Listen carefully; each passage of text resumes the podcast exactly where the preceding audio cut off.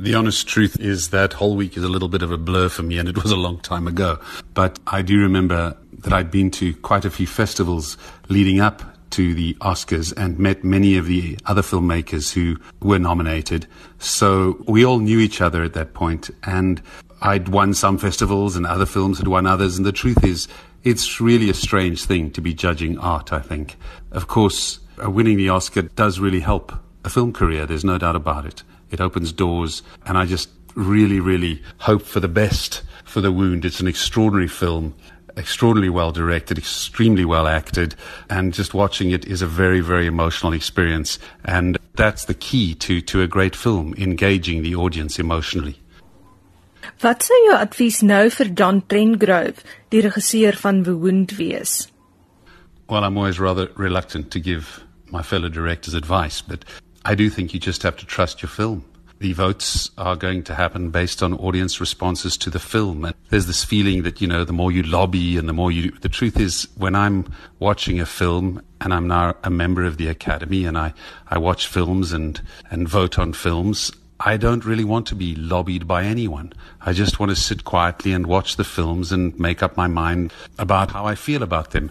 Having said that, if the film is not well promoted and people don't know about it, obviously that's a problem. But by the time you get to the last five nominations, those films go out to the Academy members, and it's really a matter of trusting the work that you've made. And I think The Wound is an extraordinary film.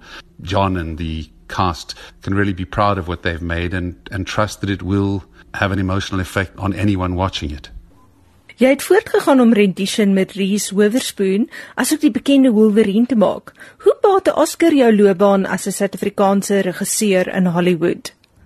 Obviously an Oscar nomination opens doors in the sense that you will be courted by agents and you will take a lot of meetings, but at the end of the day I've found that as a writer and a director, my best work is done when I just sit quietly and work on my own projects. It's a strange business we're in. We're actually freelance. People think this place called Hollywood is some kind of big corporation, but it's really not. It's just a city where lots and lots of artists from many parts of the world find themselves in one place generating good work. But if you don't generate your own work and focus on improving your craft, no Oscar nomination will really help you. It certainly brings an awareness to your work, but then you have to make the next film and the next film. And it's a continuous process of starting again. I think that's where you have to put the focus. Just focus on trying to get better as an artist, I've done some films that I'm very proud of. I've done others that I'm less proud of and learned a lot along the way. And I keep coming back to the fact that it's up to me. I have to sit down quietly as a writer behind my keyboard and produce work. It's a job and you've got to keep doing it well enough to stay in the game. But I think John and his cast and his producers have all proved that they can do extraordinary work and that's what they've got to keep doing. And I wish them only the very, very best. And I'm sure they're all very excited and terrified.